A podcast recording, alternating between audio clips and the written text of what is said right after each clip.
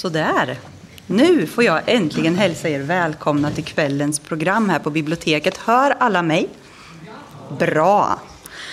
Vi är jätteglada att få ha Åtvidaberg i backspegeln här. Hör du ingenting alls? Gå lite närmare, framifrån på den jag här så här. framifrån på den här. Jag har inte pratat i en sån här mick förut som ni kanske märker. Eh, första avsnittet av podden spelades in 19 november 2018. Kan nog stämma. Kan nog stämma. Då skulle det testas fyra avsnitt för att se vad ni tyckte om den här formen av eh, lokalhistoria kanske så. Och vad vi som lyssnare tyckte. Och efter 13 avsnitt och ett kulturstipendium kan vi väl säga att vi alla är överens om att vi tycker det här är väldigt roligt. Vi vi har lite riktlinjer här för kvällen då. Att man stänger av sin mobil eller sätter den på flygplansläge. Eh, och sen är det en timme vi har sagt att det ska försöka klaras av på. Men det kan dra ut på tiden och behöver man gå om, när timmen har gått så gör man det. Ehm, ja, och det är inte mig ni är här för att lyssna på. Nej. Även fast det här var väldigt spännande. Ja, så vi kommer ju få slita bort Ja, det. eller hur? Ja. Nu tänker jag vara med. Ja. Varsågoda Camilla och Roy. Tack.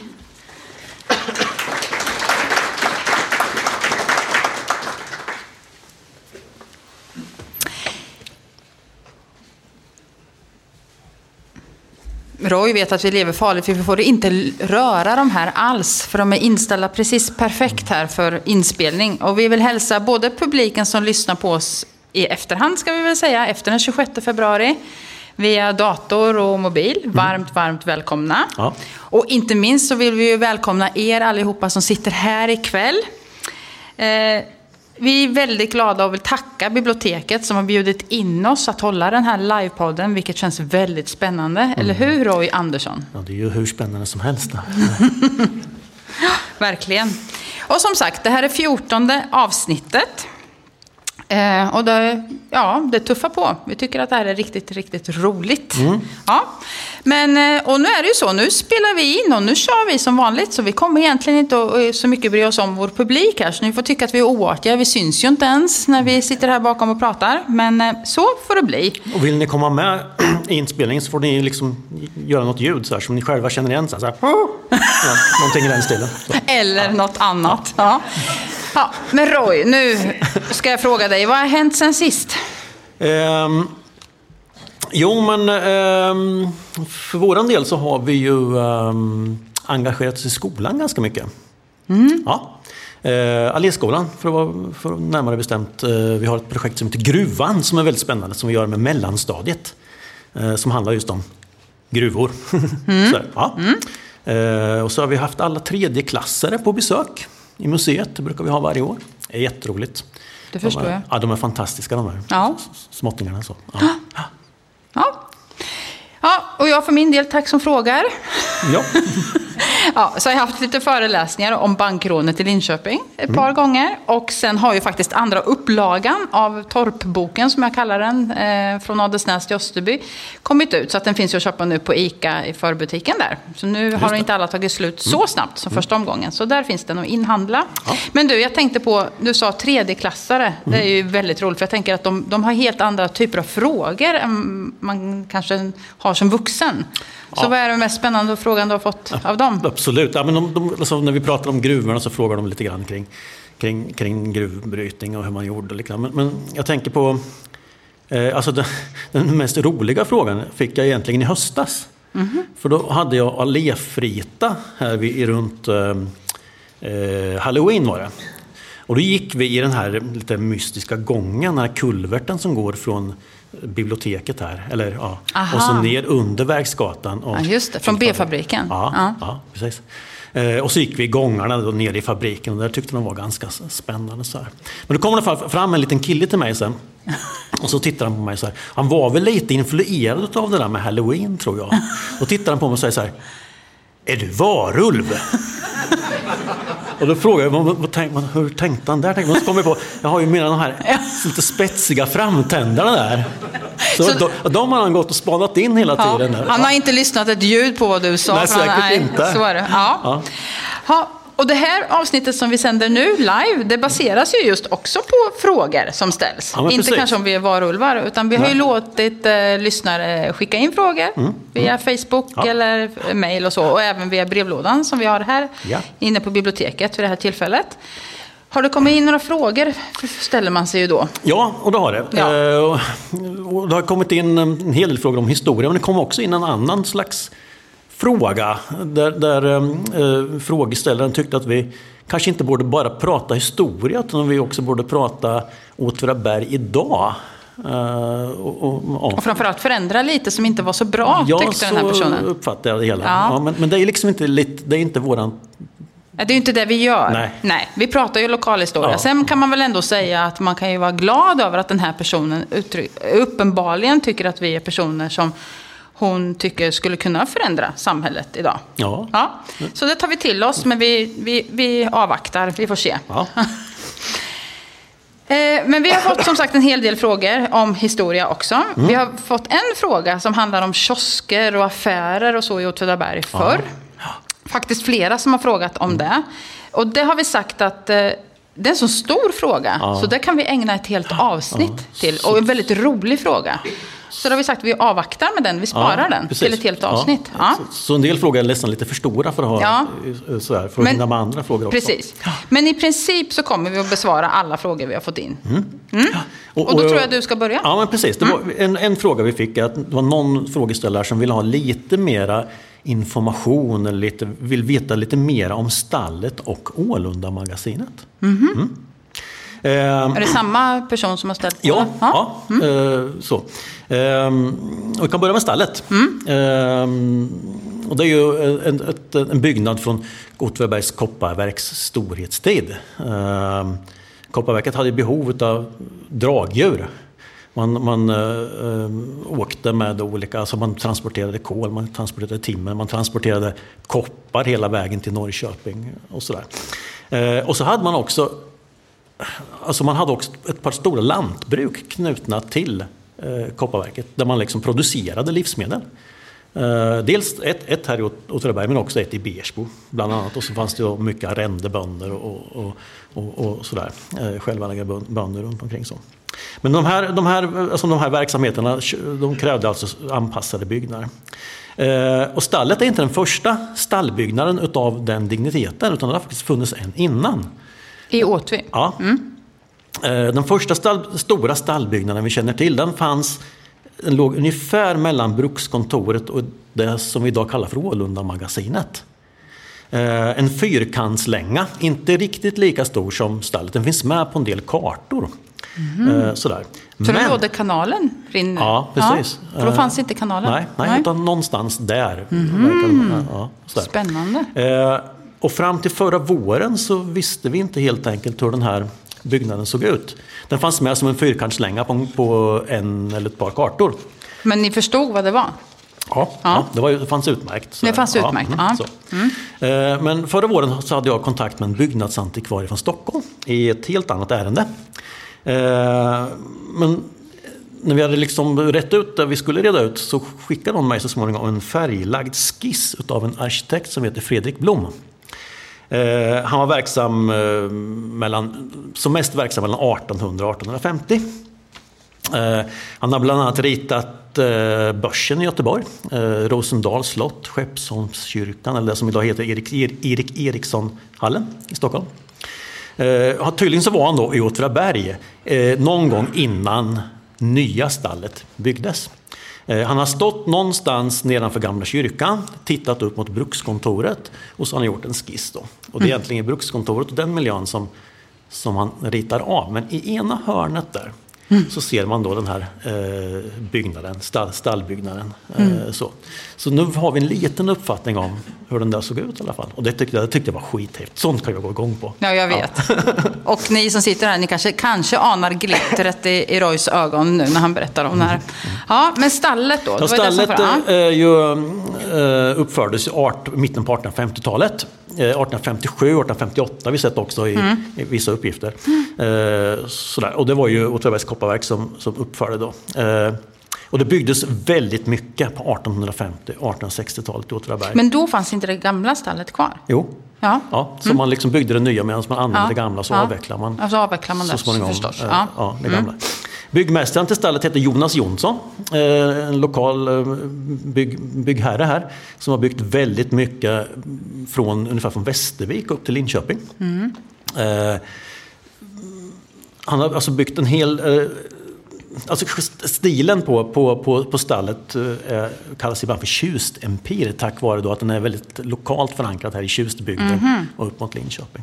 Så. Men det är också det som kallas för nyklassicism. Ja, ja. Mm. Eller En, en form, nyantikt. ja, en form utav. Det är egentligen den här eh, museigurun Manne Hovrén som har myntat det här uttrycket. För det finns väldigt mycket Ja. i samma stil byggt eh, Ja, Mm. här. Så säga. Eh, och stallet bestod från början av fyra byggnader. Eh, varav den som står kvar då, den var byggd i sten och så Mm. såg ut som den, som den gör idag. Ungefär. Och de andra byggnaderna var, eh, alltså själva andra längd, fyrka, i- byggnaderna i fyrkantslängan var byggda utav trä. Mm. Så. Mm. Där kan jag göra en liten... Kan jag flika in? Mm. För som jag förstod så var stallbyggnaden, det som idag är stallet, det vita huset, det, det hyste ungefär 80 Mm. hästar. Och från början så förstod jag att de här andra byggnaderna, alltså oxhus och laggård Ja. och logen, de, de var tänkta egentligen att byggas på motsvarande sätt. Ja, Ja, just det. men det eh, finns i samma ritningar. stil. Ja, Ja, precis. ja. Men så blev det ju inte då, utan de byggde som ju du sa, traditionsenligt i trä istället. Precis. Men, och så säger man också, vet jag, i den här boken Herrgårdar och boställen, att stallet ska vara, och här citerar jag då, ett ovanligt och vackert och typiskt exempel på Jonsson-arkitekturens civi- sent kvardröjande nyklassicism. Eller tjustempir som Mm. Ja, du sa. Och visa stilens möjligheter i ett verkligt monumentalbygge.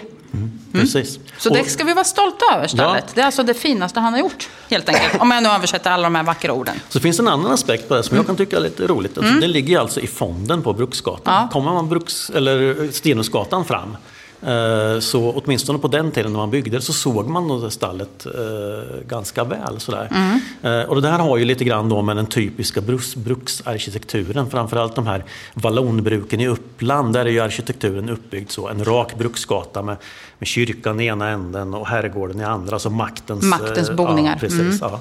Och här, skulle man, här fanns ju inte makten den fanns ju ute på Adelsnäs. Den fanns ju liksom i Adelsnäs herrgård, där fanns makten. Mm. Men det här är ju på något sätt en, en, en, en makten representerad utav Mm. det här stora, eh, enorma, fina Mm, verkligen. Ja. Och det kan man ju också säga att så småningom så flyttar ju baron in till Åtvidaberg. Just Ja. som är en del i det här, att Ja. faktiskt finnas närmare. Men eh, inte på den tiden. Då bodde han där ute. Precis. Eh, Efter kopparepoken så har stallet haft skiftande öden. Eh, Först så var det ett fortsatt lantbruk utarrenderat av baronet Adelsvärd.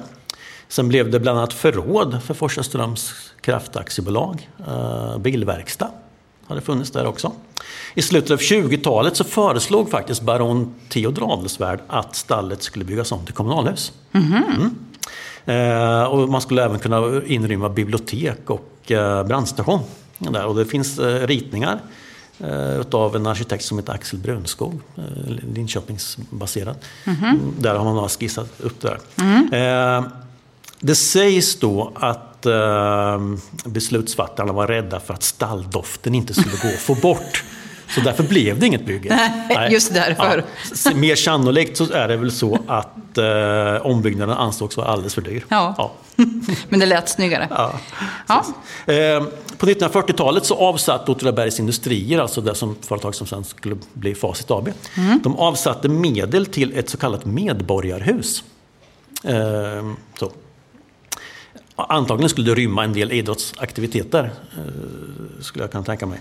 Eh, men på 1950-talet så stod det ju klart då att det här världsföretaget eh, saknade, alltså Åtvidaberg saknade väldigt mycket representationsbyggnader. Företagets gäster fick bo hemma hos tjänstemännen och, och, och i, i- stor utsträckning och sådär.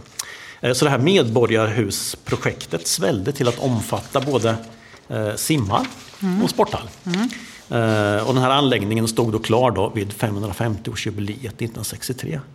Och eh, ombyggnaden utformas av en arkitekt som heter Gustav Lettström. Men då tänker jag, stod det tomt då under lång tid? För många pratar ju om det här att de passerade, när de gick ifrån ena änden, alltså typ eh, åsen eller så, det hållet, så gick de igenom stallet. Ja, jag tror man kunde göra det. Ja. Ja. även fast det var verksamhet. Så. Jaha, även fast det var Ja. verksamhet? Aha. Sen har det ju varit eh, hotellverksamhet eh, ända från att man... Men att det liksom stod öppet så man kunde gå tvärs emellan. igenom? Ja, precis. Ja. Eh, hotellverksamhet eh, har hört. Du har säkert varit på hela, Hela stallet svänger, jajamensan. Till och med på falskt pass, eller pass hade man ju inte, men ID. Mm. Minsann, minsann. Man skulle in Ja. tidigt. Det var ju det som fanns, det var väldigt roligt. Mm. Det är preskriberat nu, så därför säger jag det nu. Ah, Mm. okej. eh, och sen har det ju varit, eh, så har det stått tomt under Mm. perioder nu och så har det varit flyktingboende. Och sådär. Eh, sen vet jag att det finns, eller om, om det har funnits i alla fall, idéer om att bygga lägenheter utav det. Och det låter ju tilltalande. Mm. Men nu står det tomt. Nu står det tomt. Ja. Ja. Ja. Ja. Och det, alltså, vad ska man göra med en sån byggnad? Man kan ju inte riva den. Nej, det kan man Utan inte, för fylla- då, ja, då, man måste ju fylla den med verksamhet Mm. på något sätt. Så här. Då får vi protestera om man kommer på den idén. Och apropå det här med, med att man inte kan, låta, man kan inte kan riva saker och ting. Eh, vi hoppar raskt över till Ålundamagasinet. Mm, den och vi andra går frågan. tvärs över vägen Ja, där. Ja. ja. Och det tycker jag det är en spännande byggnad på flera sätt. Eh, det är, för det första så är det ett av endast fyra byggnadsminnen i Åtvidabergs kommun. Det som Ja. kallas för K-märkt. Ja, eh, det här med K-märkt är egentligen, eh, det finns egentligen ingenting som heter, kallas, heter K-märkt. Nej. Nej. Ändå säger man ju det hela Ja, jag vet det. Det har, det, har- ja, men det, har blivit ett talesätt. Aha. Alltså, ja. Eh, Så antingen är, kan man... Det fin- det finns olika skydd för, för byggnader och miljöer. Eh, Jag är inte någon expert på det där, men man kan säga så att ett byggnadsminne det är det starkaste skyddet som finns. Mm. Det kan vara ett statligt byggnadsminne och det är staten som ansvarar, men så kan det också vara privata byggnadsminnen.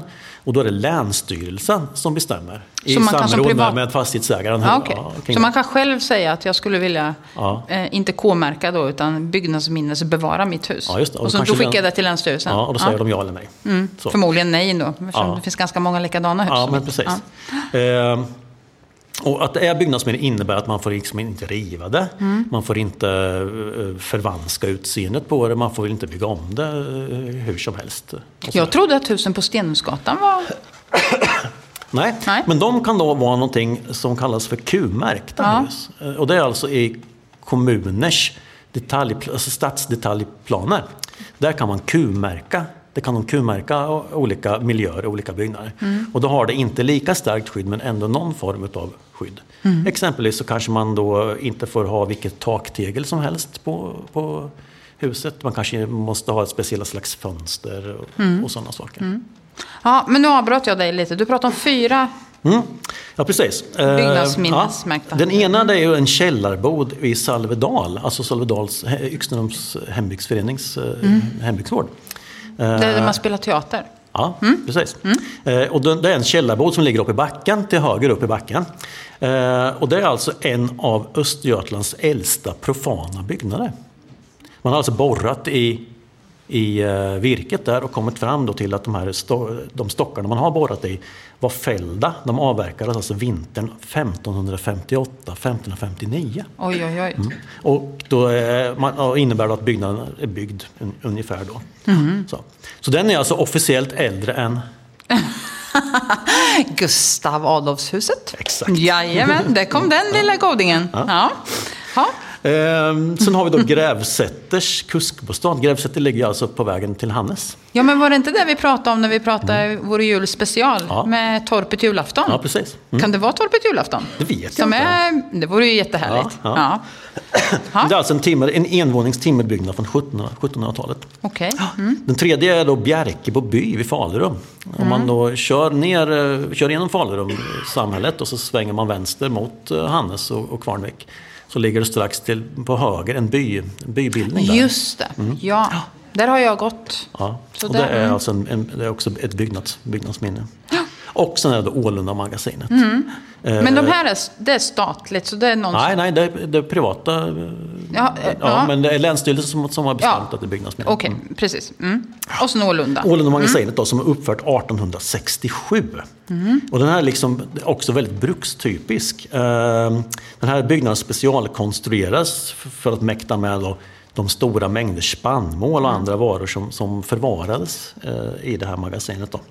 Och de här var nöd, nödvändiga för, för brukssamhällets existens. Eh, därför att mycket av lönen utgick i form av livsmedel till de som jobbar här. Men man hade ett magasin till, nämligen där Ja, på man hade flera, Stenungsgatan. man hade flera, än magasin så. till. Mm. Ja, ja. Eh, Ett potatismagasin, en potatiskällare. Och, Mm. Och ett brännvinsmagasin kanske? hade man säkert. Ja, sådär. Eh, även här då så var det den här Jonas Jonsson som, hade, som, ska, som ska ha byggt Ja. det här. Ja, ska byggt det här. Och en arkitekt som heter Ferngren som, som då ska ha ritat, ritat det här. Så en arkitekt även på ett magasin alltså? Ja, precis. De, Så de var det. ritade både stort och smått. Ja. Eh, den här, det finns en tillbyggnad, en liten flygelbyggnad kan man säga, som ligger inåt kvarteret Ålunda. Den uppfördes senare, den tillkom 1881. Eh, så. Men jag tänkte på det här med, med, med eh, livsmedel. Jag tog med mig en, vänta ska vi se. Jag tog med mig en liten bok här. Ja, oj, en Ja, liten ja. bok. Det här är ju en eh, så kallad avräkningsbok från Åtvidabergs kopparverk. Mhm. Eh, Det här är alltså, man skulle kunna säga att det här är bokföringen för bruksarbetarna. Eh, Som, den bokföringen som de hade med, med kopparverket. När de hämtade ut till exempel Ja, spannmål. precis. Ja, Så, I det här ja. fallet så här. Ja. Kan man då se. Och jag tänkte jag ska bara ge ett exempel på Någon som hämtar Ja. ut lite vad, vad det varor. vara. Det här gäller då eh, gruvarbetaren eh, Nils Örtegren.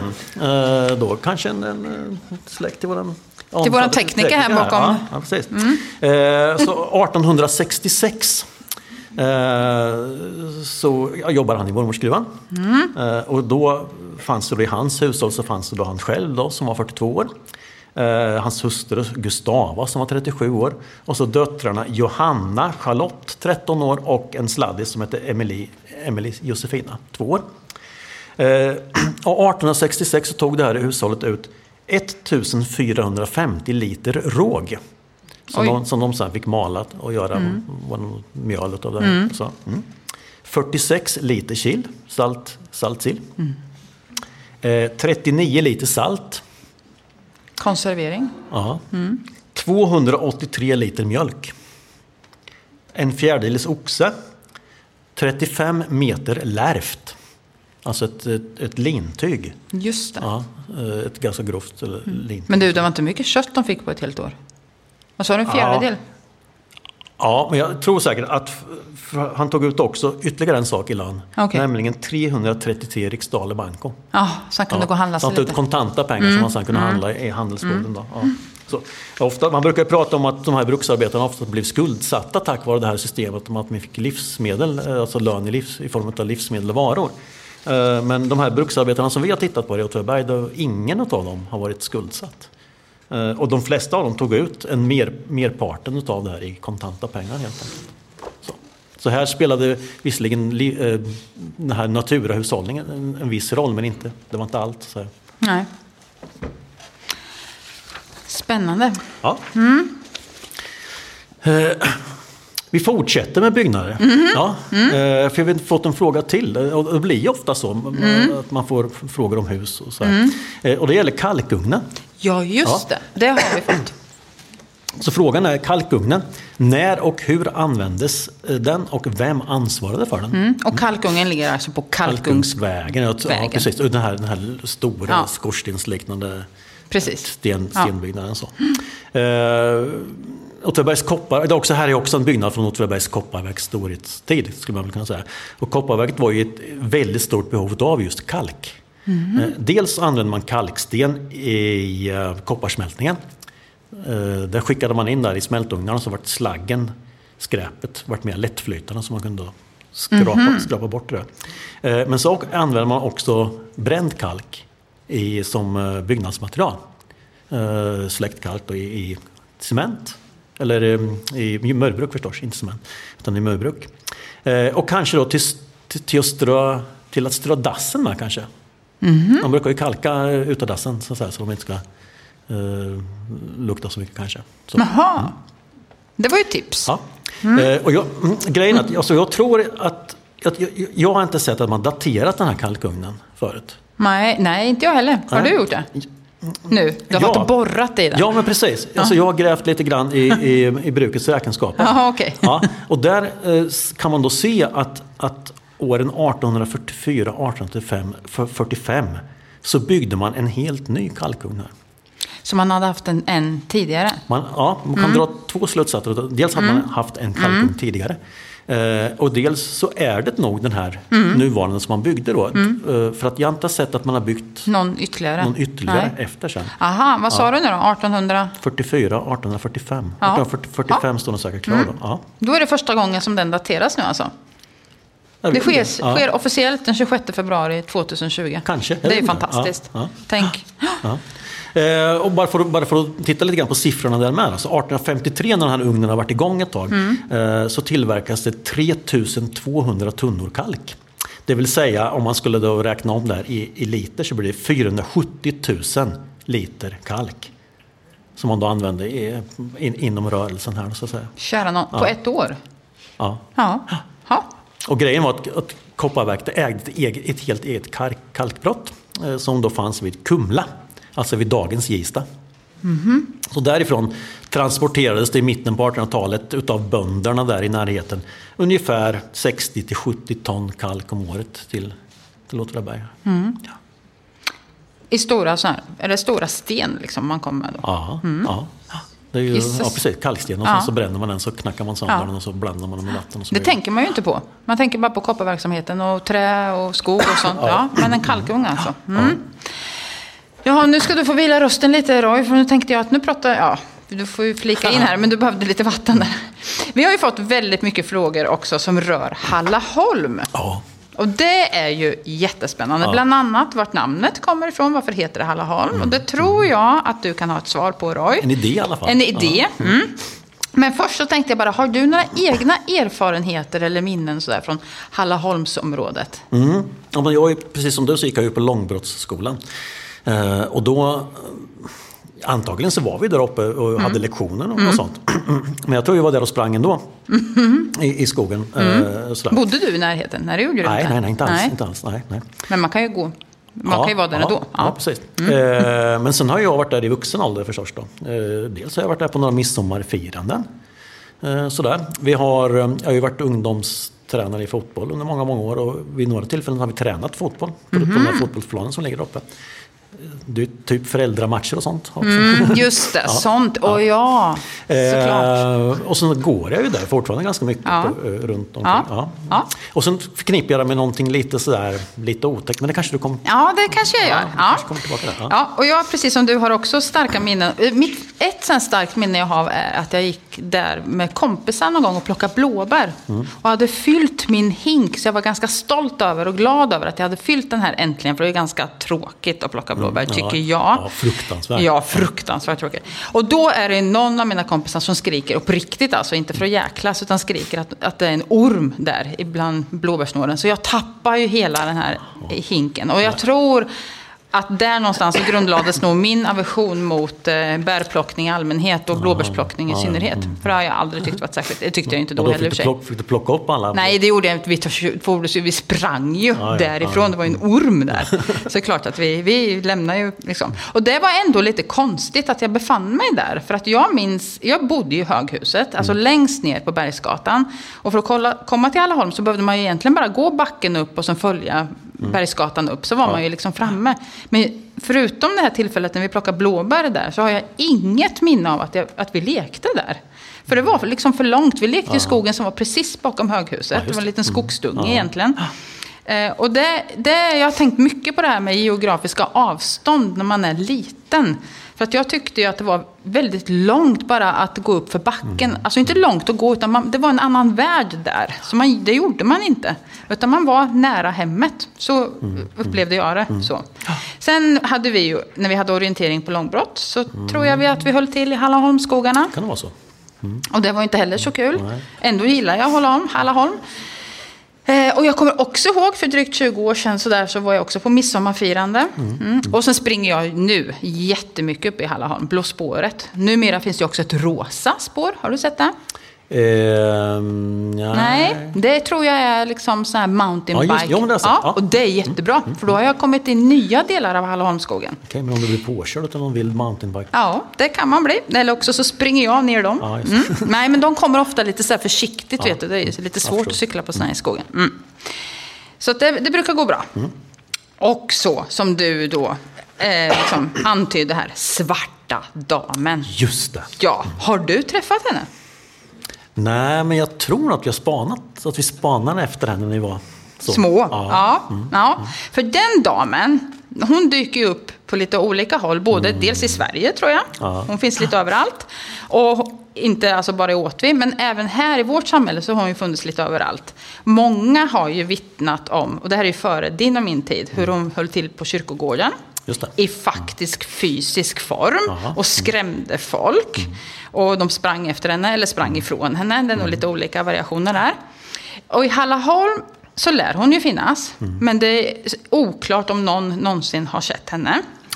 Eh, och då kan man ju undra, hur kommer det sig att det finns? Alltså den här tanken om en svarta dam i Hallaholm. Ja, den, är väldigt spännande Ja, faktiskt. och då har jag funderat Ja. lite på det. Och då tänker jag att egentligen så är det nog inte så konstigt. Det är ju ett stort och imponerande, kanske lite skräckinjagande berg. Mm. I alla fall om man är liten och står och tittar upp på det när man går på Långbrottsskolan. Och det är ju heller inte så ovanligt att det bor farliga och obegripliga saker i naturen. Som tomtar och troll och drakar och jättar. Och i våra trakter inte minst bergsfrun Ja. i gruvorna. Ja, absolut. Om berg som sådana blir ofta mytomspunna. Jag tänker till exempel på drottning Omma, eller Omma, på Omberg. Ja, ja. Så att eh, Svarta damen i Hallaholm kanske ska ses i det perspektivet. Så. Mm. Sen, men, sen har jag liksom försökt att hitta och pratat med folk. Så här, när är det man börjar prata om det här med, om Svarta damen? Och då, allt sedan skolan, alltså Långbrottsskolan byggdes 56, det stämmer va? 56? Så gick ju ryktet om Svarta damen. Och de äldre eleverna berättade för de yngre, så att alla yngre fick veta att där bodde Svarta damen. Och sen i februari 1958 så kom det ju dessutom, som kanske en del av publiken här känner till, en svensk film som hette Svarta damen. Nej, nej det gjorde det inte alls. Damen i svart. Så. Mm. Så hette den. Och det handlar ju då om detektivparet John och Kajsa Hillman som planerar en semester till, och lyssna nu, ett mellansvenskt brukssamhälle. Ja. Och, där, och det är inte Åtvidaberg utan det heter något annat. Där brukspatronens sekreterare försvinner under mystiska omständigheter. Och det här försvinnandet då lär vara förknippat med traktens legend om Svarta damen. Så kanske var man lite inspirerad av det. Så också, såg den här filmen. Men, och det här är faktiskt väldigt, väldigt roligt tycker jag. Kanske fick de här ryktena om Svarta damen ökad fart och stimulans av att det spelades in en film av lärarna på långbrott. Alltså jag trodde ju att de vuxna och framför allt kanske lärarna skulle liksom trygga barnen. Men inte på den här tiden. För att den filmen hette Svarta damen. Management by fear. Precis, ja, det tror jag faktiskt inte. Jag tror inte att de ville... Alltså så. Den hette Svarta damen, men jag tror inte att det finns en Svarta damen i filmen. Men såg du den? Vet du vad jag menar? Alltså, jag vet inte om jag har sett den här. Det, det, det är någonting bekant över det här som du säger. Ja. jag, jag kan inte svära Nej, men jag håller med dig. Och jag tror vi är så traumatiserade av den här filmen. Så att, eh, nej, men jag har också en sån här hint. Och när jag fick höra vad den handlade om så är det bland annat... Jag, jag tänker jag berättar lite kort om, om liksom, vad den handlar om då. Det är en person som mördas i filmen. Och denna person blir hängd i duschen i gympan. Och det är det jag ser fram Hur bra var det? Jag menar, där var man ju jätteofta Ja. och skulle duscha. Det är ju inte underligt att man inte vill duscha. Ja. Och den här boven i filmen, han dödar ytterligare en person som det lär han göra utanför biblioteket som var på skolans andra våning. Och den här personen rullar liksom ner för trappan. Det var väl någon lärare som tyckte var, han tyckte han var duktig på det här med att rulla ner för en trappa. Och sen befinner man sig också i sjuksköterskerummet där någon opererar i en kropp. Och då har man tagit en sån här plastkropp som man hade i biologin för att visa vart organen satt i kroppen. Så det var en sån här halvkropp, tors, torso eller vad heter det? Mm. Och så plockar man ut ett organ och bakom det organet så gömmer sig en kula. För den här personen som rullar ner för trappan hade ju blivit skjuten. Det är bara det att det är en sån här eh, kulstötningskula. så det var ju lite kul. Men, Lite kul. Ja, lite kul. Tack. Ja, och det hade jag inte ens tänkt på. Ja. Och i slutet då, vad händer? Jo, då dyker vår gamle, eh, vad ska jag säga, min gamle, eller vår gamle vaktmästare upp, Mm. Kalle Östen, som vi har pratat om tidigare. Han sitter nämligen och sover på en bänk på skolgården och blir väckt av polisen. Och det visar sig att han har drömt alltihopa. Men Det, det låter ju väldigt avancerat. Ja, det låter också som flera här i publiken har sett den här filmen. Ja. Ja, jag, hör. jag har pratat bland annat med Johan och Mats Gam, Mm. vars pappa och mamma var med. De är med på rolllistan här då. Pappa Olle Gam som var lärare på Långbrott och mamma Siv Gam som var sjuksyster. Och båda som sagt är med, men även Kalle Östen som jag sa, och Lennart Källum, Bosse Ahlström, Stig Billevik och Kalle Jonsson var med och spelade i filmen. Kanske fler än så. Och jag har fått det förklarat för mig att det var en ung lärarkår och det var en nybyggd skola. De hade väldigt mycket roligt ihop och gjorde en massa bus. Och det fick mig att tänka på när vi i avsnitt 6 pratade om skolorna i Åtvid så pratade Mm. Ja. vi med före detta rektor Olof Sandqvist. Ja. Han vittnade ju om samma sak. Ja, precis. Att de, hade, de busade med varandra och sådär. Så det låter jätteroligt. Och vet du att de spelar in en film på Alléskolan också? Jaha. Den heter Toalettrullen. Oj, är det också Och där- någon, någon mordhistoria? Ja, det är mordhistoria. Det är någon som stryps med väldiga mängder toalettpapper. Jo. Och jag har den filmen hemma, men jag har inte tittat på den än. Så jag ska berätta för dig när jag har sett den. Den är Ja, säkert jättebra. Jag tänkte att den kanske kunde gå i Mumslokalen och visas. Sådär. Ja, Ut, ja. succé. Ja, succé. Ja, men det var det. Men jag tänkte också på namnet Hallaholm. Det, det är någon som har undrat var Ja, det kommer precis. ifrån. Eh, Det var ju det är egentligen en av frågorna där. Alltså namnet Hallaholm. eh, Alltså vad, vad kommer namnet Hallaholm ifrån? Eh, Det är ju knappast en holme, skriver frågeställaren. Kan det ha med Halla, som i hallon, att göra? Eh, Alltså, det finns ju... Det finns bara blåbär där, sa du. Ja, men Halla är ju ett, ut, alltså ett Åtvidabergt uttryck för hallon. Ja. Ja, Aha. så Man plockar halla. På Åtvidsmål. Ja, ja. Ehm, vi kan väl börja med hur, hur gammalt det är. Mm, Sådär. Ehm, tittar man på de där, det är ju två torp som finns Ja, nu menar du en- torpen, för jag tänkte hur gammalt berget Nej, det, det, det, det, det, vet du inte. Nej, det är jättegammalt, Ja. lika gammalt som valskelettet under facit. Säkert. Ja. Jag tänker på torpen där. Ja. Eh, De, det ser ut att kunna vara 1700-talstorp om man Mm. kom, som tittar på de där. Då. Och, och tittar man i kyrkoböckerna så kan man se att den första då, som är förknippad med Hallaholm är en eh, Harald Eriksson som dör där 1771. Eh, fortsätter man gå in i Åtvidabergs kopparverks handlingar, ständigt detta kopparverket, eh, så kan man då utläsa att 1763 så byggs det ett antal nya stugor och torp utav Kopparverket. Bland annat då vid Bjätorp, Klint, Skälhagen och just då Hallaholm. Så, mm. Och samma år så finns det ett antal torpare som gör två, tre dagsverken för Kopparverkets räkning. Och de bor i Storkestorp, i Skrammelbo, Snatra, eh, Backom, Nyhäng, Närsta sågtorp, Andershubben, Råstorp, Edsågen, Klint och, som det står, det nybyggda Hallaholm. Så 1700... 1763 kan vi nog fastställa Ja. eh, att, att de här torpen är...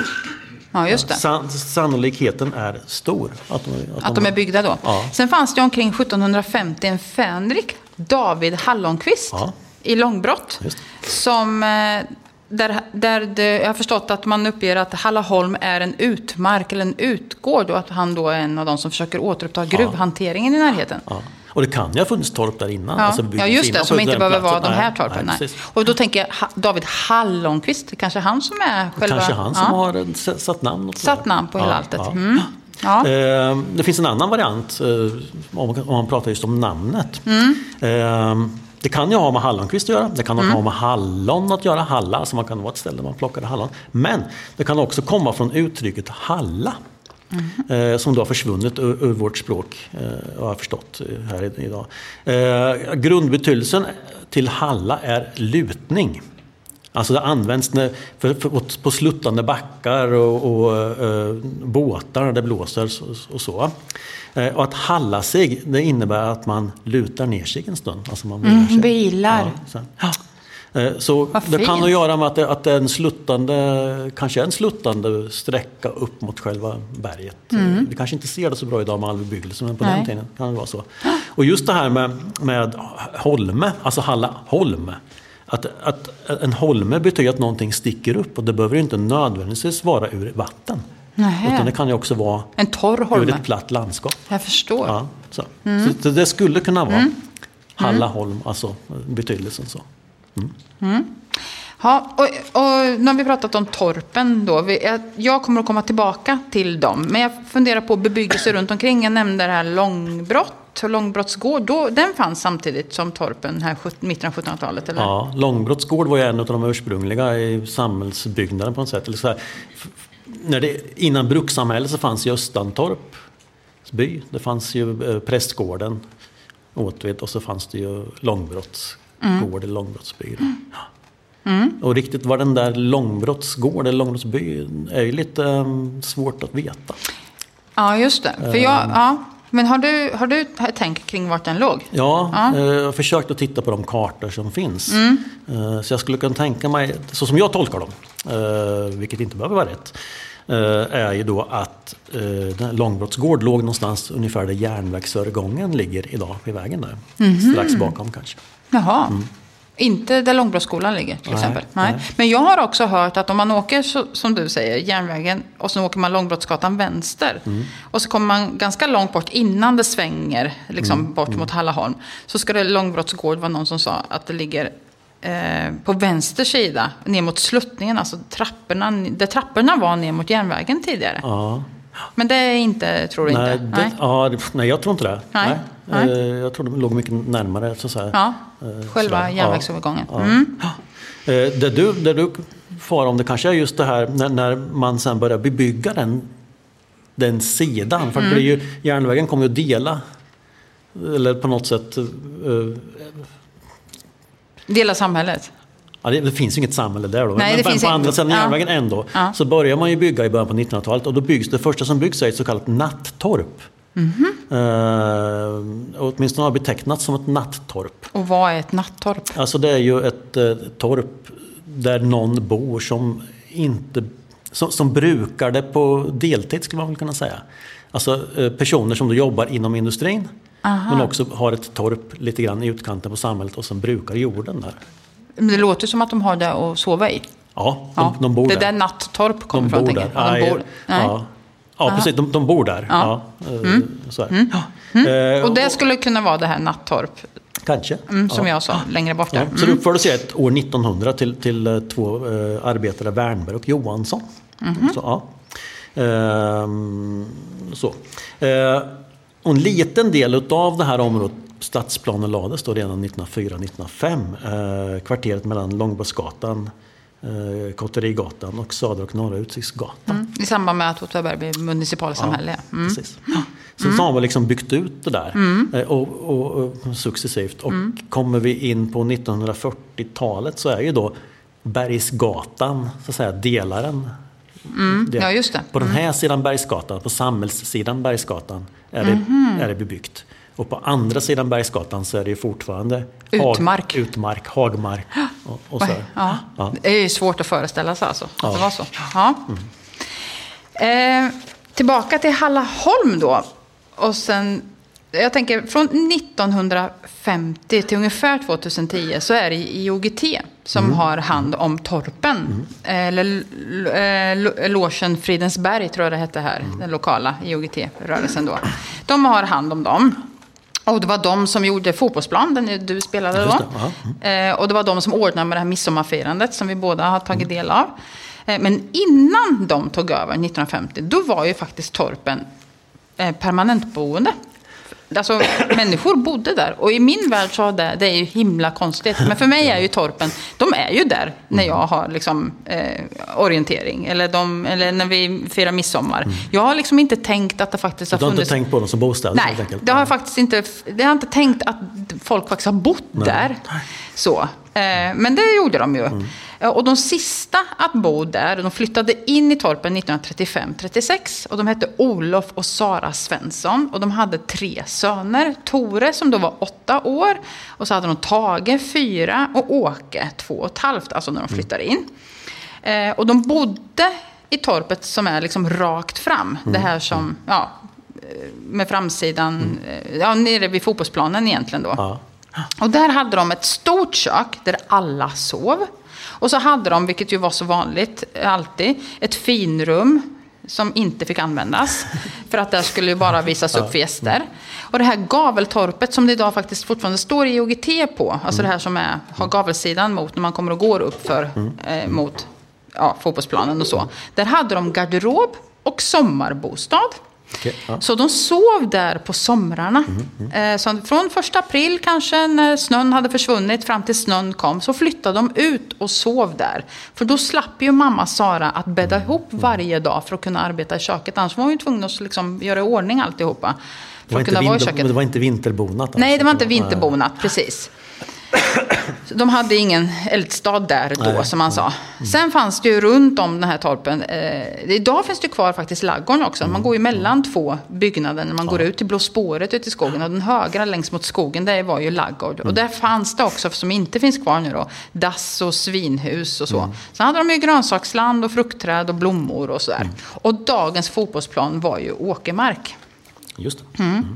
Och skälet till att jag vet så mycket om det här är att Tore, som alltså var åtta år när de flyttade dit, han eh, har jag pratat med. Han är 92 år idag. Oj. Så han kunde berätta allt det här. Eh, och jag frågade honom hur var det att växa upp där i Hallaholm? Jo, sa han, det var ju mer öde än vad det är idag. Och då tänkte jag, herregud, kan det, kan det, det bli bli mer mera öde? Men det förstår jag nu med tanke på det du berättade om bebyggelsen runt omkring. För det fanns ju ingenting. Så det var skog och det var gärden. Och det fanns till exempel ingen grusväg upp till torpet som det gör idag. Utan det var en skogsväg eller mer som en stig där man kunde liksom gå, cykla eller åka häst och vagn. Och så berättade han också, vilket han tyckte var så lite ah, lite snöpligt att det fanns en, staten hade ju en kraftledning som gick över, precis över torpen. Men själva hade de ingen belysning. Ingen el. Nej, alltså man skulle bara kunna liksom häkta tag i den där på något sätt. Och han berättade för mig att han trodde, och det är ju så här som det berättas liksom så, att han trodde att torpen var så gamla som från 1100-1200-talet, för det var så man sa. Och att de som byggde gamla kyrkan också byggde torpen. Och att de skulle ha bott där när de byggde kyrkan. Och det skulle kunna i och för sig ha varit några äldre torp som stod där. Sen känns det ju också samtidigt som att det är väldigt långt ifrån kyrkan. Skulle man bosätta sig någonstans ska- kanske man skulle bo närmare kyrkan då. Sen tog IOGT över torpen som sagt 1950 och sen bygger de om laggården och så vidare till bodar och de rev dasset och svinhuset och gjorde fotbollsplan som sagt av åkermarken. Och sen drog de igång midsommarfirandet med Bengt Hellström som lekledare bland annat. Och här kommer nog det som kanske också är lite rafflande tycker jag. För att Tore pratade, nu sa jag ju om Svarta Damen, Ja, att det här ja. kanske föddes när Långbrottsskolan, liksom, och med filmen 58 och Långbrottsskolan byggdes 56 och sådär. Men han pratade också om Svarta Damen. Hon har varit där jättelänge. Men alltså när, han, eh, när de var små? Jajamän, alltså, så när han var pratar lite, vi när de 30 flyttade, vi pratar 30-tal. 30-40-tal. Då bodde hon där redan då. Ja. Och han sa att hans mamma hade blivit bekant med några som hade liksom bosatt sig vid utsikten. Och de pratade om Svarta Damen. Ja. Och de som kom och köpte mjölk, eller som mamma sydde kläder åt, som han sa. Ja, så hon fanns där. Ja, så det är en, en, en ännu äldre Hon är företeelse. ännu äldre. Frågan är hur gammal hon är. Mm. Ja, det är jättespännande. Ja, och än så länge som sagt ingen som har sett henne då. Och jag är ju ändå där. Nu kan jag väl säga att det är inget jag önskar. Jag vill inte att någon klär ut sig till Svarta Damen när jag, när jag kommer i Blå spåret. För att kanske jag inte vågar springa mer sen. Ja. Sen har jag fått, eller vi har fått ska jag säga, som jag, jag har valt att svara på då. Men en väldigt specifik fråga som är själva upprinnelsen till liksom hela mitt jätteintresse nu till Hallaholm egentligen. Och som jag har ägnat veckor, kanske till och med månad åt att försöka hitta svaret på. Det är nämligen frågan om flaggstångsberget. Det kanske sitter personer här inne idag som jag har ringt, för jag har ringt så mycket folk för att försöka hitta information om detta flaggstångsberg. Alltså berget ovanför Långbrott. Alltså där Svarta Damen bor egentligen. Mm. Och jag trodde ju innan jag grottade ner mig i det här att hela området, inklusive, liksom, det är ju flera berg, att allting hette Hallaholm. Men så är det ju inte. Utan det finns ju alltså då ett flaggstångsberg. Och det står till och med på kommuns, Åtvidabergs kommuns hemsida att eh, från det så kallade flaggstångsberget ovanför södra utsikts, Utsiktsgatan har du en fin utsikt över delar av tätorten. Och till flaggstångsberget kommer du snabbast via en trätrappa vid Fågelbergsgatan. Jaha, och varför detta flaggstångsberg? Jo, det kan man ju kanske räkna ut då.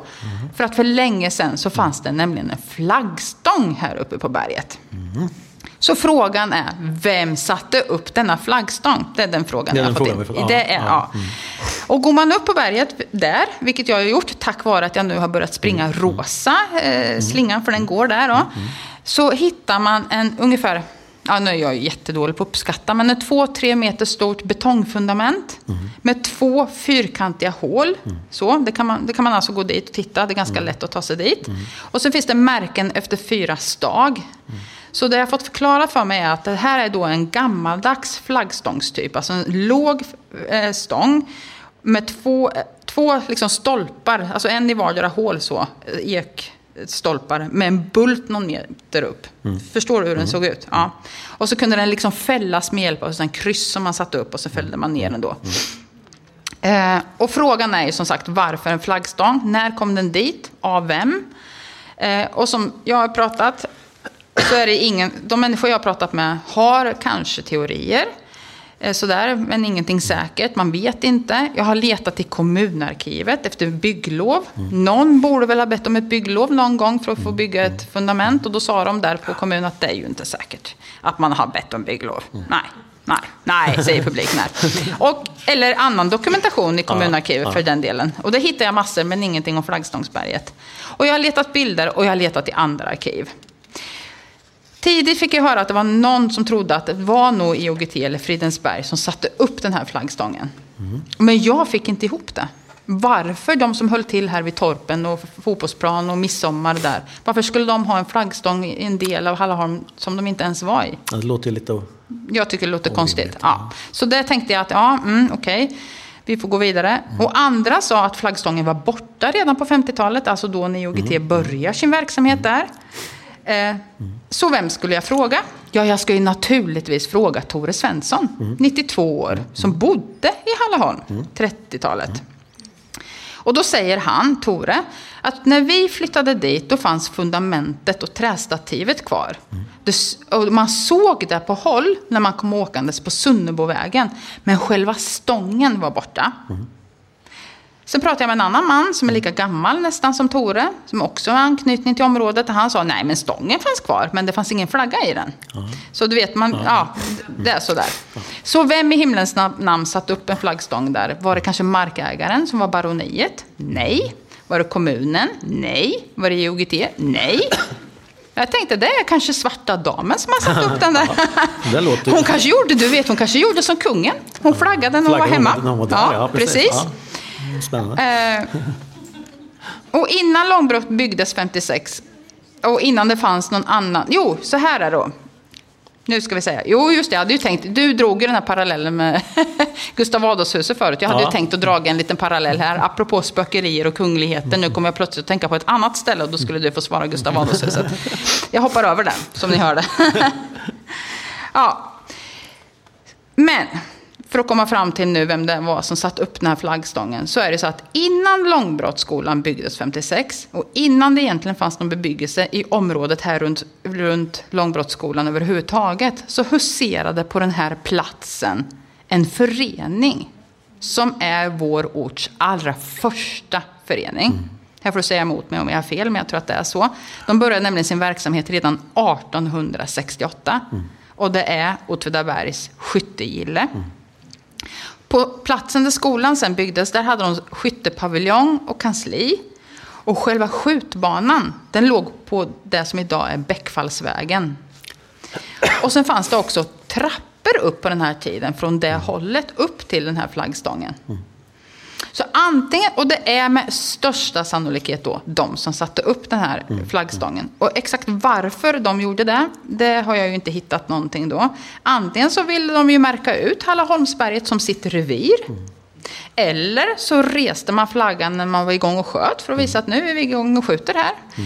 Eller så var fanan helt enkelt en rent patriotisk symbol. Alltså det var en frivillig skytterörelse som försvarare av fäderneslandet. Så. Mm. Skyttegillen stöttades, stöttades ju också av staten ur ett försvarsperspektiv. Så, så det kanske, eller en blandning av alltihopa. Ja, ja. Eller inget av det Det alls. låter ju troligt. Ja. Och, um, Vi förvarar ju Åtvidabergs skyttegillesarkiv. Precis, och därför så sa jag åt dig, marsch ner i arkivet och leta nu. Precis. Ja. Ja. Eh, tyvärr så finns det ju inte några protokoll eller något, något sånt kvar. Men det finns en del räkenskaper. Jag återkommer till dem hela tiden. Ja, Eh, så jag gick igenom dem där och, och tyvärr så framkommer det ju inte att de har lagt några pengar på något fundament. Man Nej. kan ju tänka sig att de har köpt in cement eller Mm. Och sådana saker. Men det, det, det, och det finns lite luckor i arkivet. En flagga har de köpt i alla fall. Det hade de? Ja. Är det sant? Ja, Det har inte du sagt till mig förut. Jo, men det, det finns... eh, Ja, När köpte de den då? Mm, kommer inte ihåg. Nej. Men en flagga kan de ju ha hatt liksom var som helst. Nej, jag tror att det var den flaggan faktiskt. Men Ja. det framkommer i alla fall att man, eh, den bildades ju 1868. Ja. Ja. Eh, Men, men då var man inte i långbrottsområdet. Utan då sköt man på andra ställen. Man Mm. sköt bland annat vid Falla. Mhm. Man sköt vid Vrånghult. Så, sina eh, skytteträningar Mm, och, och tävlingar. Så.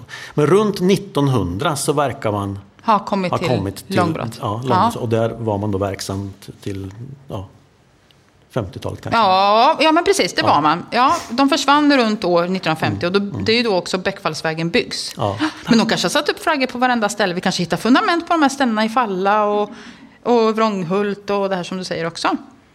Ja. Men med andra ord så kan jag konstatera att det här är förmodligen en jättegammal flaggstång som har stått där. Inte konstigt att ingen minns den då. Nej. Den stod förmodligen där tidigt, som du säger, 1900-tal. Sen hade jag tänkt att den kanske stod i slutet av 1800-talet, men 1900 låter ju troligt då. Och sen var den förmodligen borttagen på 30-40-talet, eller möjligen 50-talet. Och därefter så har ju den här platsen, alltså eh, utsikten är ju fantastisk Ja, från Flaggstångsberget. Så att det är många som har gått Ja, dit efteråt. Ja. Och, Vi eh, tittar ju på en del Turin-fotografier från- i vårt sökande eh, efter det här också. Så Turin Mm. har ju fotograferat midsommar... Nej, inte midsommarfirandet utan... Nej, eh, precis. Åh, eh, nu. Mm, Valborg. Valborgs- Valborgsmässofirande. Mm, ja. Att man liksom har tänt eldar Ja. på Hallaholmsberget. Ja, men tror du att de är jag på vet berget inte, då? det är svårt. Det, är, det går ju omöjligt att säga var, någonstans de de är. där är tagna. Ja, mm, Så att, eh, Ja, ja men det har vi sett. Ja. Och när jag har pratat med massor med personer om Flaggstångsberget så har jag ju fått nya Hallaholmsfrågor på vägen. Det, det, det finns outtömligt ämne detta Hallaholm alltså. Det är ju inte bara Svarta Damen som håller till där, utan även Försvarsmakten eller möjligen Hemvärnet har hållit till där med sin luftbevakning. Och det var någon som frågade, är det sant att man hade luftbevakning från Flaggstångsberget? Och då kan jag säga, nej det är inte sant, men man hade det från Hallaholmsberget. Och det är ju inte så unikt för Åtvidaberg Nej, att nej. man hade i början av andra världskriget, alltså 39-40, att man var uppe och spanade vilt efter främmande makter. Mm. Och då var man på Hallaholmsberget, alltså det berget, Hallaholmsberget är ju då det berget som, som liksom vetter mot fågelsångsområdet. Så, mm, så där spanade man. Eh, och de hyrde in sig, de här vilka de nu var då, Mm. hos kvarnmästare Elis Jonsson. Det är ju det här röda huset. När man går upp från grusbacken upp mot Hallaholm så ligger det ett rött hus på Mm. Ja. vänster sida. Där i hans källare lär de här ha bott. Kvarnmästare. Kvarnmästare Elis Jonsson, kvarnen här 1905, Järnvägsgatan, hade han hand om tillsammans med sin bror tror jag. Ja. Ja, men då undrar man ju då eh, med den här luftbevakningen, de kanske såg ända bort till Eksäter, eller vad säger du Roy? Det tror jag säkert de gjorde. Tror du? Liksom, ja, men Fel jag- håll ju. Ja, men jag tror de hade bra span. De hade bra span, ja det är klart de hade. Ja, Ja, för för, nu, för just Eksäter var ju en annan fråga Ja. jag fått. Ja. Eh, och frågan var ju då, när stod Eksäter klart? Och det är ju, ehm, eh, med, med Eksäter menar de förstås bostadsområdet Eksäter. hyreshusen där Ja, det, Mm. Som då är lite grann av Åtvidabergs variant utav miljon, miljonprojektet. Projektet, Ja, mm. ja, här. Eh, i i början av 60, vi pratade om bostadsförhållanden här förut. Du, du, tänkte att här kan, du har inte tänkt på Hallaholmstorpen som bostäder. Men, men folk bodde ju väldigt magert med våra mått mätt. Eh, ända fram till början på 60-talet. Mm. Kanske ännu längre, eh, en bit in där. Eh, och i början på 60-talet så rådde det bostadsbrist i Åtvidaberg. Eh, framförallt så expanderade ju Åtvidabergs industri Facit som sög till sig mycket arbetskraft och sådär. Kungliga bostadsstyrelsen var ju en, en, en instans som, som då eh, tittade på vad som behövde byggas och man gav också finansiell eh, hjälp då till, till kommuner som, som skulle bygga. Eh, och sådär. Eh, och, eh, här, här i Åtvidaberg så räknar man med att bostadsbehovet 1964 till 1968 skulle vara 770 nya lägenheter. Det är väldigt mycket. Eh, dessutom skrev man att det fanns det 600 små omoderna lägenheter som borde byggas om. Men man- bort Och- från fattig-Sverige här helt Ja, ja, enkelt. precis. Här skulle man bygga bort. eh, Ja. Det är då man river allt det här som vi är så upprörda över. Man eller en del av Ja, det. Mm. Så här vill man bygga och då, då stiftelsen Åtvidabergshem var det då som, som, som, eh, som, som ville bygga här.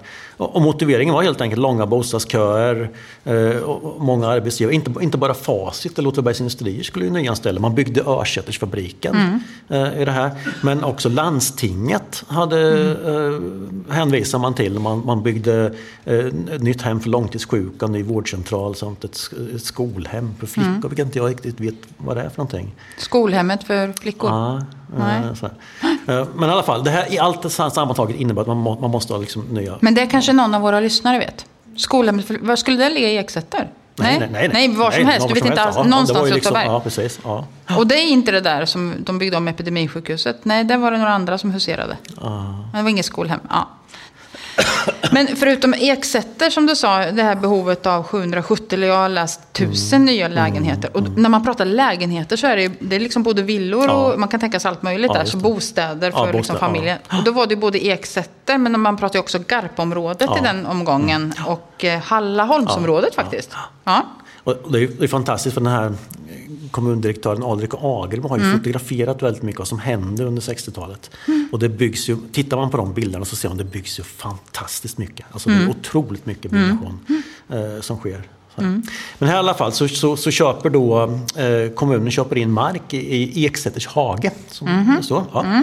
Och eh, den här stiftelsen Åtvidabergshem planerar att bygga 300 lägenheter. Mm. Eh, där. Man hade lite problem med finansieringen. Eh, Men då gick man då till Åtvidabergs Industrier, Facit. Ja. Och med hjälp av då direktör Gunnar Erikssons Ja. kontakter inom bankvärlden Ja, så hade man möjlighet att kunna eh, sjösätta det här. Eh, så så Eksäter byggdes i tre etapper. Mm. Eh, start 1967. Eh, och alla lägenheter då stod klara 1970. Mm. Ja. Och då hade nästan alla lägenheter i bostadsområdet hyrts ut. Mm. Och sen kom facitkrisen. Och sen dess har lägenheterna aldrig varit uthyrda. Nej. Fullt uthyrda. Och nu är det flera hus borttagna där. Ja, precis. Så vid mm. millennieskiftet så tog man det där Just det. drastiska beslutet att riva hälften utav Ja. byggnaden. Det, Ja. det, ser, det ser och det var nog nödvändigt, men det ser ganska tomt ut om man har varit, om man har varit i det här. Man När det igen- var massor med igen- hus, ja. ja. ja, och nu är det gräsmattor. Ja. Mycket trevligt också i och för sig. Mm, ja. Men själva namnet Eksäter, Mm. eh, det kommer ju inte från bostadsområdet från början. Utan Eksäter het, hette, heter, ska vi säga, fortfarande då, ett soldattorp. Som ligger på hemmanet Bäckfalls ägor. Ett vitt hus. Är det. Mm. Och var är det? Ehm, Det vet jag inte, säg, om du inte vet. Jo, jag vet exakt var det ligger. Eh, med, på, på armlängds avstånd ifrån Hocklamasten. Skulle man kunna säga. Aha! Ja, Så det ligger liksom det ganska det- långt. ja. Det är ändå en bit ifrån. Eksäters hage. Så att säga. Mm. Ner mot hundklubben till. Ja, just, Ja. ja, eller ovanför. det. Ovanför, precis. Mm. Ja. ja, men då vet jag. Mm. Ha. Då, Fick vi ytterligare frågor om, om eh, ja, jag kan egentligen... Nu tittar vi på varandra här. Ska, jag hoppa, ska jag hoppa till min? Jag gör det. Ja, för jag, då tänker jag att jag hoppar tillbaka Ja. till långbrottsområdet här. Ja. Eller vi, är ju faktiskt kvar där. Vi är ju i Eksäter. Men då vill jag börja med att fråga, var du bra på kast med liten boll eller 60 meter Roy, när du gick i skolan? Alltså jag var oduglig på kast med liten boll. Jaha. Ja.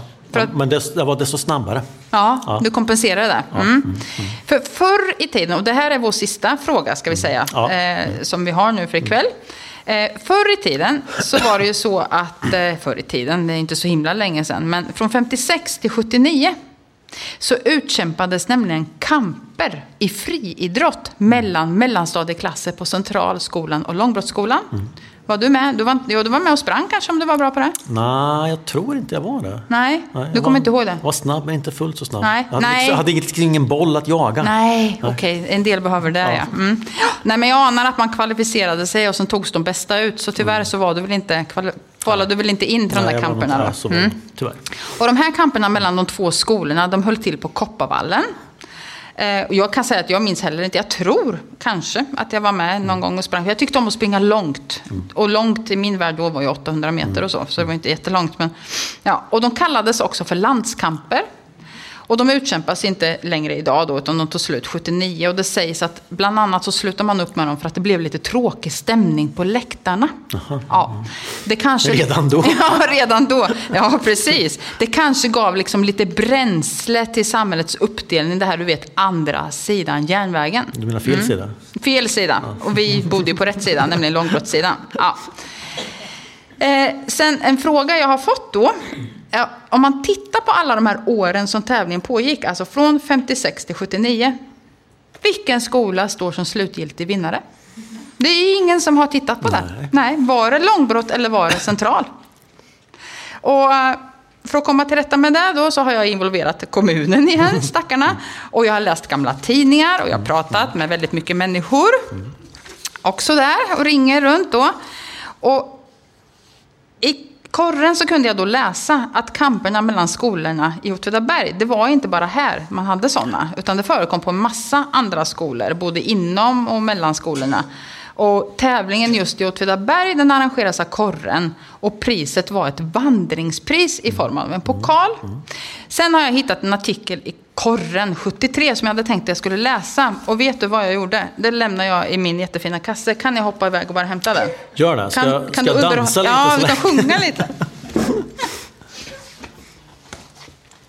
Sjung då.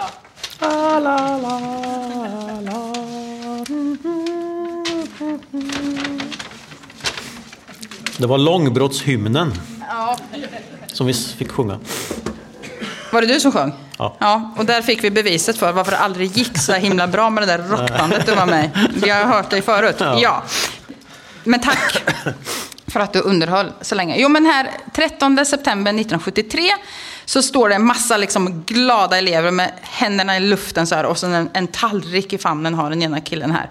Då står det överlägsen seger för Central i skolkampen. Ja, jag vet. I skolkampen mot långbrott. Hipp hipp hurra, Centralskolan vann. Och de här ungdomarna är så glada och lyckliga efter att ha vunnit sina grenar åt Centralskolan. Och det var hög stämning på läktarna på Kopparvallen i Åtvidaberg på onsdagsförmiddagen.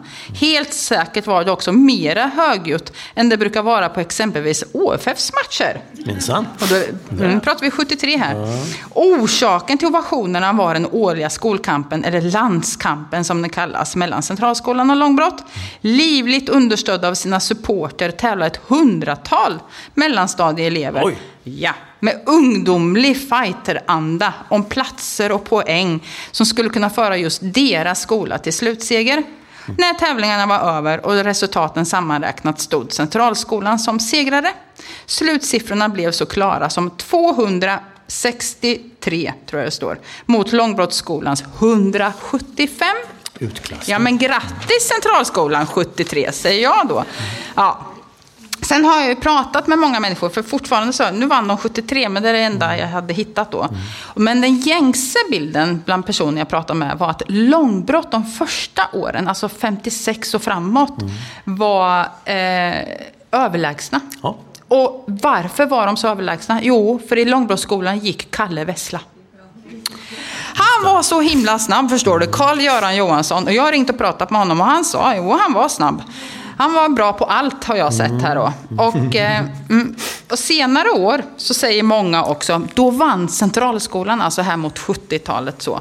De vann för att de hade så många fler elever som bodde i det området. Men å andra sidan var det någon som tillade så var ju, höll ju Bengt Johansson som var gympalärare på Långbrott, han höll ju sina elever i väldigt god form. Och det är ju du och jag tycker jag ett eh, vittne på då. Eller ett bevis Ja, på. Ja, ja. ja, och då kan man ju undra här bara om vi ska involvera publiken lite. Hur många, de, är det några som har gått på Centralskolan? Ja. Är det några som har gått på Långbrott?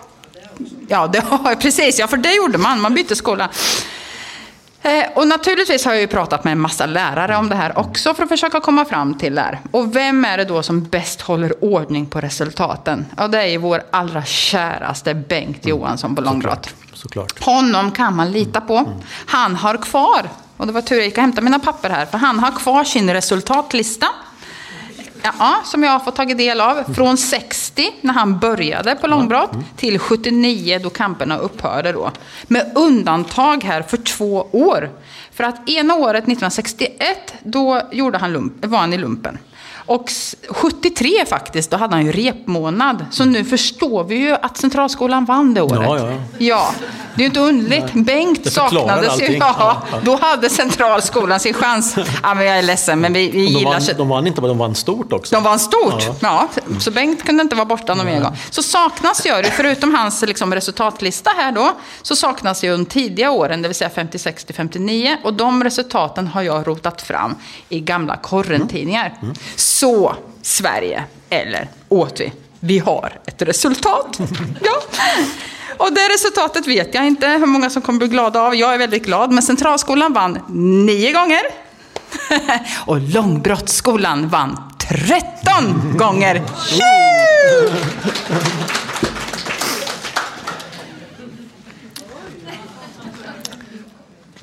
Och det var det där man vann alltså. Det, ja, nu ska jag sätta mig på stolen igen. För jag hade ju tänkt att det är seger. Du får ta den där. Ja. Tju, skulle vi säga då, tänkte jag. För det här är alltså vandringspriset som jag också då har rotat fram och hittat. Det står på Centralskolan idag. Okej. Östgöta korrespondentens vandringspris, ja. VPR tänkte jag. Vad, betyder det? Vandringspris förstås. För Åtvidabergsskolorna, uppsatt 68. Jag valde den här för att då är jag född. Ja, just. Och det här är då samma vandringspris? Eh, Fast från första tiden, Ja, för det står så att 56. 1956. Ja, Mm, så det här är den första. Ja, och där är det då långbrott, central, långbrott, central, långbrott. Ja, så att det är ett par år här framåt. Ja. Och sen så kom det ju då platt, äh, tallrikar i slutet också. Ja. Det tog jag inte med mig någon för jag tänkte jag var lite tråkiga. Ja. Och med det här segergesten så tänkte jag att vi egentligen kan närma oss slutet på den här poddinspelningen. Ja, Vad säger du? eh, Upp med den då! så I gör vi. Ja. Vi tar det så. Ja. ja, nej men eh, då har vi nått vägs ände, Ja, Tror jag. Då säger vi Eller tack. Du, ja, vi säger Nej. tack. Ja, vi säger tack och hej då för den ja. gången. Ja. Tack och hej då. Ja.